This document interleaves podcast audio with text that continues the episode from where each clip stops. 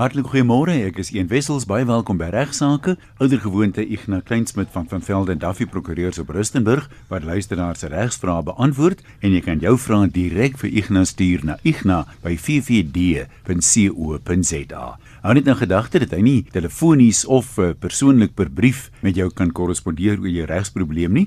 Die doel van die program is om luisteraars landwyd te bemagtig oor 'n wye verskeidenheid regskwessies en hoewel ons jou vraag antwoord, is dit die hoofdoel van die program. So die goeie raad altyd wat Ignas gee is gaan sien met 'n prokureur op jou dorp of naby jou. Meeste prokureurs sê hy baie nederig is ook slimmer as hy. Môre Ignas. Goeiemôre Jan, môre luisteraars. Ja, baie lekker om uh, ons gas in die voor te stel. Haar naam is Rina Gunter, 'n patentprokureur en metallurgiese ingenieur. Ons kry so baie vrae Ian oor patente en handelsmerke en outeursreg en ek is elke keer stom geslaan want ek, ek is nie 'n spesialis nie, dit is 'n spesialisgebied en sy spesialiseer al meer as 21 jaar eksklusief in die beskerming en kommersialisering van intellektuele goedere reg. Dis wat ons dit noem. Sy is ook die stigter en die eienaar van die prokureurfirma Gunter Attorneys Gunter Prokureurs, spesialis regsfirma daar in Centurion of 'n noem dit ook deesdae 'n boutique regsfirma, uh waar sy registrasie van patente doen, modelle, handelsmerke in Suid-Afrika, asook internasionaal. Dit is daar in Erasmus Rand daar in Pretoria, so baie hartlik welkom aan jou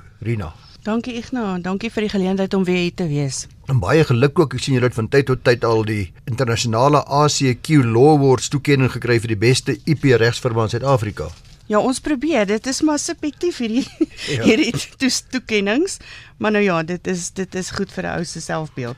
Kom ons uh, begin sommer dadelik om vir ons luisteraars mooi net weer te sê, ons praat van immateriële goedere reg, want dit behels 'n hele klompie dinge. Kom ons begin met patente. Wat deel daarvan is? Wat is 'n patent? Hoe verskil dit van die ander vorms? Van intellektuele goedere regte. Goed, wat ek graag wil doen is net gou 'n breë spektrum gee. Daar is intellektuele eiendomsreg word gereguleer deur wetgewing as ook deur die gemeenereg. So die intellektuele eiendomsregte wat statutêr gereguleer word, is patente, handelsmerke, outeursreg en industriële modelle reg. En van hierdie statutêre regte is patente, modelle en handelsmerke registreerbare regte, terwyl outeursreg, hoewel dit statutêr gereguleer word, is nie 'n registreerbare reg reg nie behalwe vir films. En dan is daar die gemeene regsaspekte wat ehm um, aspekte dek soos aanklamping, onregmatige mededinging en ook die kontrakte reg wat verband hou met goed soos vertroulike inligting en ehm um, ontwikkelingskontrakte, tegnologiese ontwikkelingskontrakte waar die inligting steeds intellektuele eiendom is, nog nie of dalk glad nie registreerbaar nie, maar wel deur die kontrakreg en die gemeenereg as sulks beskerm word. Dit 'n vinnige vraagie, planteelersregte, pas pas dit ook onder immateriële goedere? Inderdaad, dit dit is dan onder die planteelers statutêre reg. Ja. Goed. Die drie verskillende, kom ons kyk hier net verskille tussen patente, modelle, handelsmerke en outeursreg. Eerstens patente, wat beskerm dit presies? So patente se doel is om tegnologiese innovasie te beskerm. En daar kan ons kyk na enigiets van 'n apparaat, 'n proses, 'n metode, 'n produk, die vereistes van die wet vir patentering is daar slegs 3 positiewe vereistes van die wet. Dit is naamlik dat die uitvinding moet absoluut nuut wees, dit moet vindingryk wees en dit moet van toepassing wees in die handel, nywerheid of industrie. Nou absolute nuutheid beteken die uitvinding mag nog nooit voorheen bekend gemaak gewees het op enige manier nie en belangrik om in ag te neem, dit sluit in bekendmaking deur die uitvinder self. So daai mag nog nie gebeur het nie. Dan het ons nuutheid. Vindingrykheid beteken die uitvinding moenie van selfsprekend wees vir persone wat bedrywe is in die tegniek nie. En die derde een is dit moet van toepassing wees in die handel, nywerheid of industrie. So patente ja. gee net daai. Maar dan is daar sewe kategorieë van uitsluitings wat die patentwet sê, hoorie, Hierdie word nie beskou as uitvindings nie. En onder dit val dinge soos rekenaarprogramme. Dit word wel deur die auteursreg beskerm, maar dis uitgesluit van patentering. Metodes om besigheid te bedryf kom baie oor ons tafel. Dis nie patenteerbaar nie. Die voorstelling van inligting, nie apparate of daai soort van goed nie, maar die tipe inligting wat uitgebeeld word, kan nie gepatenteer word nie. Dinge soos uh, wiskundige metodes of wetenskaplike teorieë en dan ook goed soos die behandeling van mense deur terapie, snykunde of diagnose ja. wat op die menslike liggaam toegepas word, dit kan ook nie gepatenteer word nie. Met ander woorde, as 'n mens iemand behandel op 'n spesifieke manier op die liggaam, kan jy dit nie monopoliseer nie alhoewel jy die apparate kan. So daai daai hele wye spektrum van tegnologiese innovasie val in die patentveld. So laboratoriumtoetse op bloed is wel patenteerbaar dan. Inderdaad, want dit is buite die liggaam, dit kan gedoen word en natuurlik as jy diagnostiese apparaat byvoorbeeld gebruik, daai apparaat self kan gepatenteer word. Maar as daar sê nou maar 'n behandelingstegniek is om met laser 'n persoon te behandel. Ek het nou die dag gesien op 'n TV-program dat hulle nou met laserbehandeling op die brein help met Parkinsons en Alzheimer behandelings. Daai method of treatment of the human body through therapy and well it's like nou die ander twee in surgery and diagnosis. Daai sal jy nie kan patenteer nie. So jy kan nie sê ek is die eerste ou wat mense se breine met laser behandel vir Parkinsons, nou wil ek 'n patent hê daarop nie. Patentwet sê dis nie toelaatbaar ja. nie. Gee ons 'n paar praktiese voorbeelde, 'n goeie voorbeeld dink ek van 'n patent wat ons almal ken, wat jy dink nou wat nou regtig maklik is om te identifiseer vir ons luisteraars. Goed, die ag daar's verskeidenheidsvoorbeelde. Die een voorbeeld wat ek sommer nou vinnig aan altyd gebruik is die is die Weber braai. Die rokerkoker. Die rokerkoker. So as jy nou die eerste ou was wat met 'n rokerkoker vorendag gekom het waar die konsep met ander woorde bestaan dat jy 'n huisie het met 'n rookgenererende uh, materiaal binne in die enclosure en dat die kos in dieselfde enclosure is, daai tipe konsep sou tipies 'n patent kon gewees het um ongeag die vorm en konfigurasie van die artikel. Maar die feit dat 'n uh, Weber braai wel 'n spesifieke estetiese voorkoms het, met ander woorde iets wat die oog beïndruk. Dit val in die modelle reg. So in so 'n geval soos die Weber braai het ons eintlik 'n oorvleeling van regte, want ons het die tegnologie kant, maar dan het ons ook die feit dat daar wel 'n visuele kant is wat beskerm kan word. En sou daar sê net maar vir een of ander rede 'n patent aansoek nie ingedien gewees het nie of hy het nie die eksamineringsproses oorleef nie, dan sou die modelregistrasie vir daai spesifieke rondebol magie drie pote as jy die deksel afhaal het jy twee gelyke halfrond is, daai visuele impak sou dan ook steeds registreerbaar kon gewees het as 'n industriële model. Goed, kom ons wees nou baie prakties want ek kan nie ek sê vir jou daar's ek gaan nie 'n jaar verby dat iemand my nie skakel en sê Ignou, ek het hierdie uitvindsel. Ek het hierdie dingetjie nou, ek het nou iets uitgewerk. Die laaste een was iemand wat sê hy kan nou seewater baie maklik, baie goedkoop onsout. So ons kan ons waterprobleme oplos en wat moet hy doen? My advies en hom is gaan sien 'n patente prokureur want ek's nie 'n spesialis nie en ek gee hom 'n paar name en ek sê gaan na daai daai persoon toe en uh, gaan verduidelik vir hulle wat jou probleem is. Wat gaan jou advies hy by jou kom? Wat moet ek praat nou van die gewone uitvinder wat dink hy dalk iets?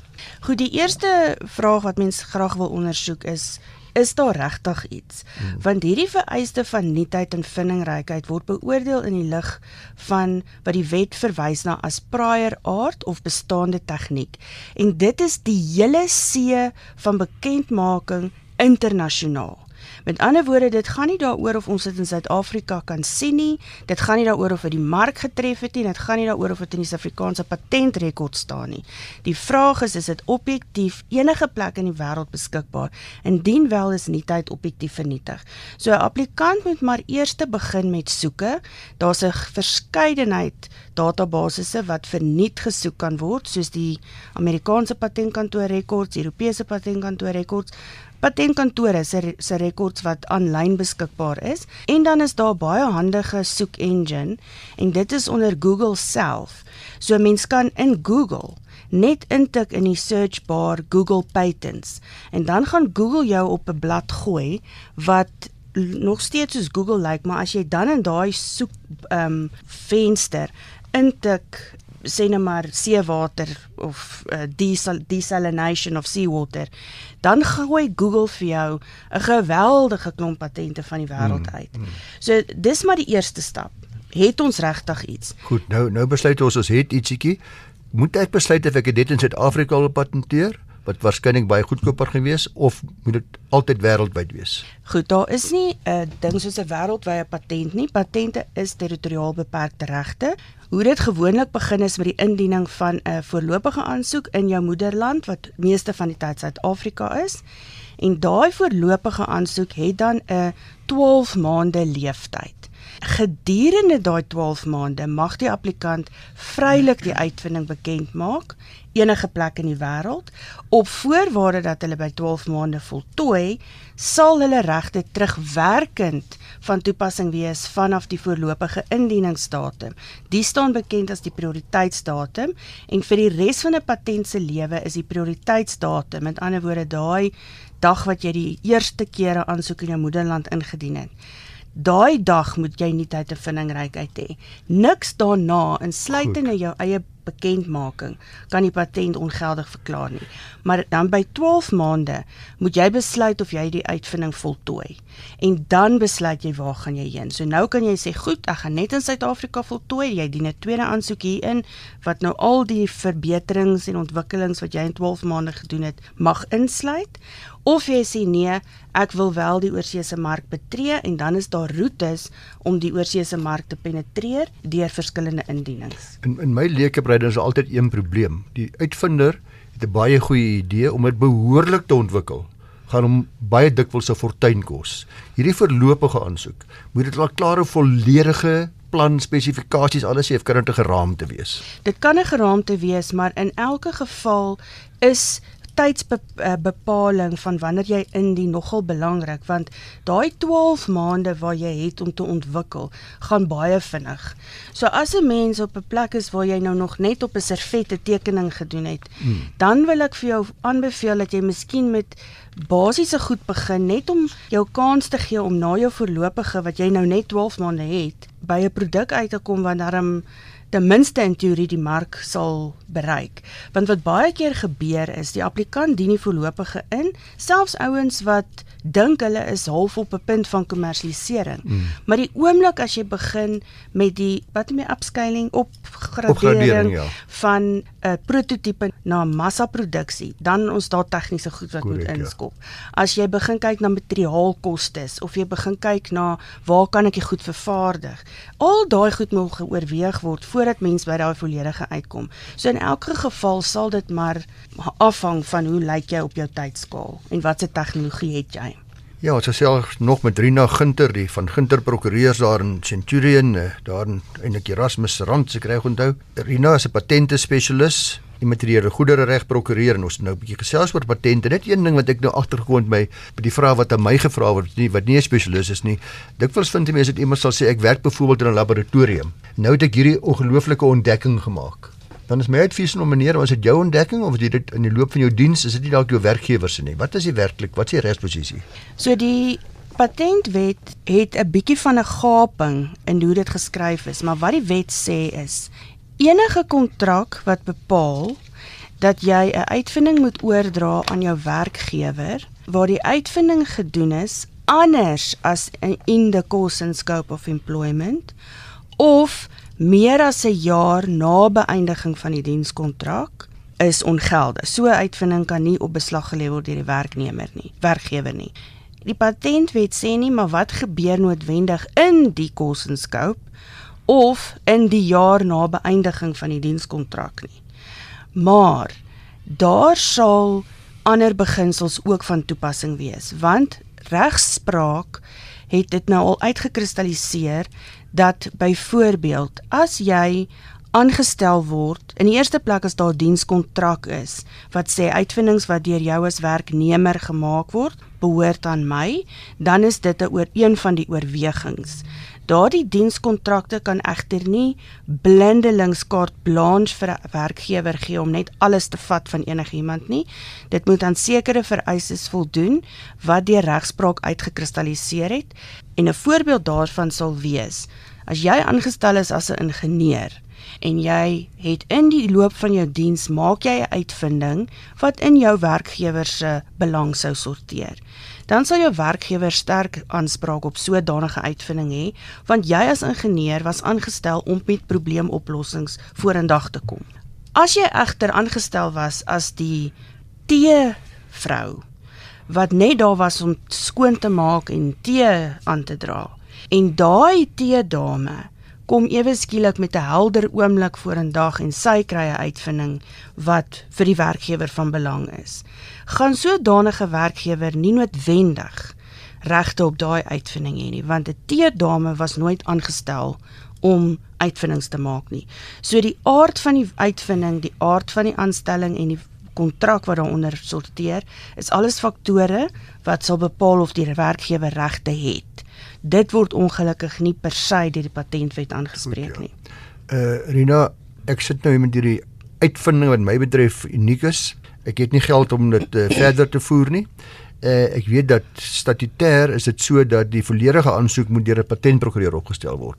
Maar kan ek nie voorlopige aan, aansoek maar self want dit is uh, meer eenvoudig. Kan ek dit self indien? Inderdaad, die patentwet maak voorsiening daarvoor dat 'n applikant self die voorlopige aansoek kan indien en die volledige aansoek moet deur 'n patentprokureur opgestel word.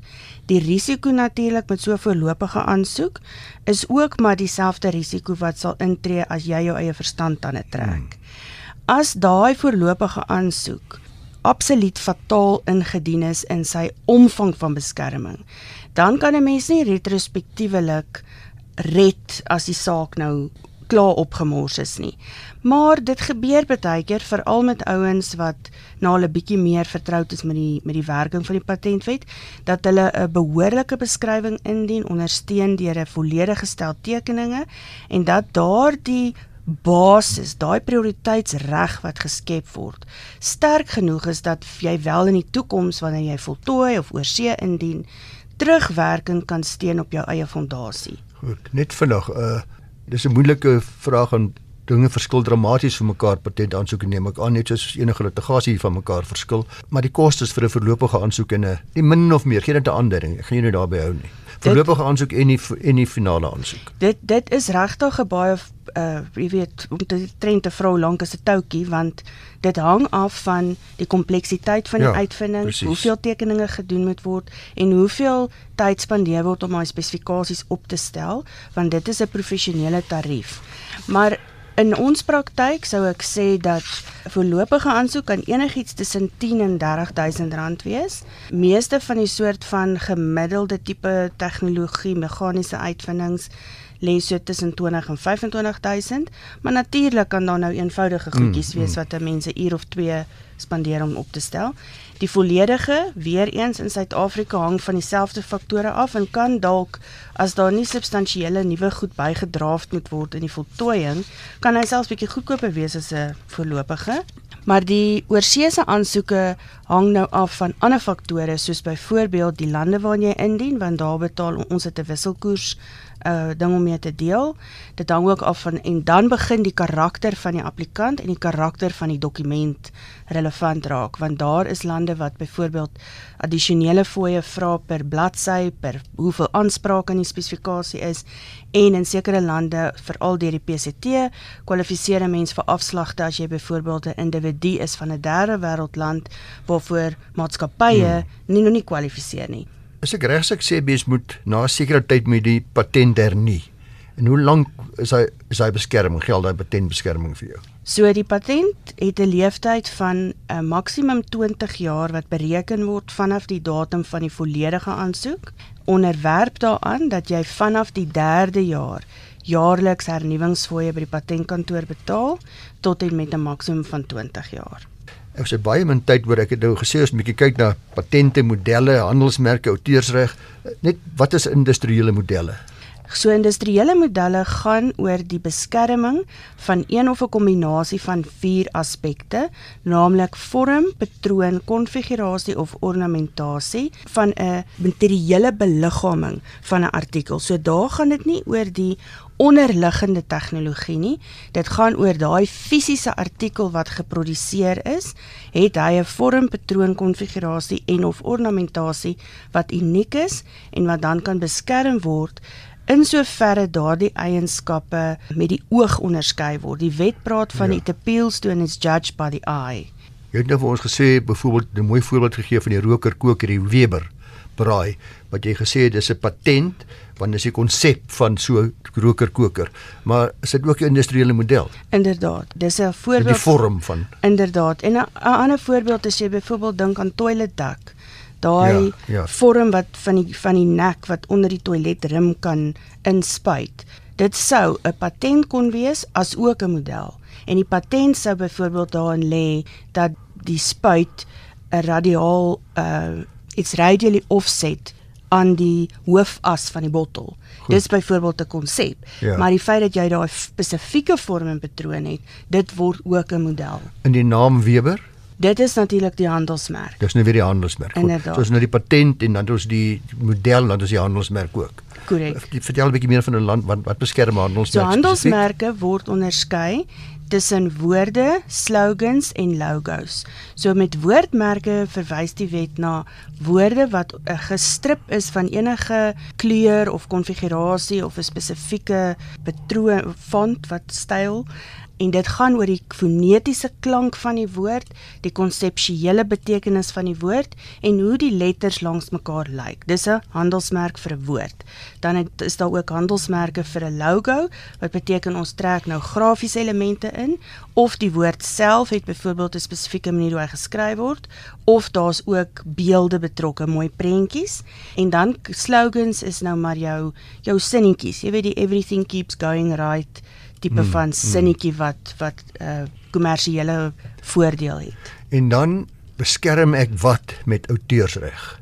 So outeursreg beskerm 'n geweldige klomp werke wat nou nie deur die ander wette gereguleer word nie en daaronder val literatuur, artistieke werk, films, programdraande syne, TV-programme, daai soort van uh musiek onder andere. musiek rekenaarprogramme. rekenaarprogramme. Ja. so dit is die uh werke van die die kreatiewe uh produkte wat gelewer word deur die intellek van die brein maar wat nou nie onder die ander wette sorteer nie. Meer die praat kom ek agter dat daar's 'n daar kan nog 'n erge oorvleeling wees tussen al hierdie immateriële goedere regte in in een produk. Inderdaad verskeie Gee vir ons 'n voorbeeld. Ek het nou reeds Weber genoem. Is daar nog ander goeie voorbeelde Wel, ons kan byvoorbeeld kyk na die soos ek nou genoem het die Domestos bottel.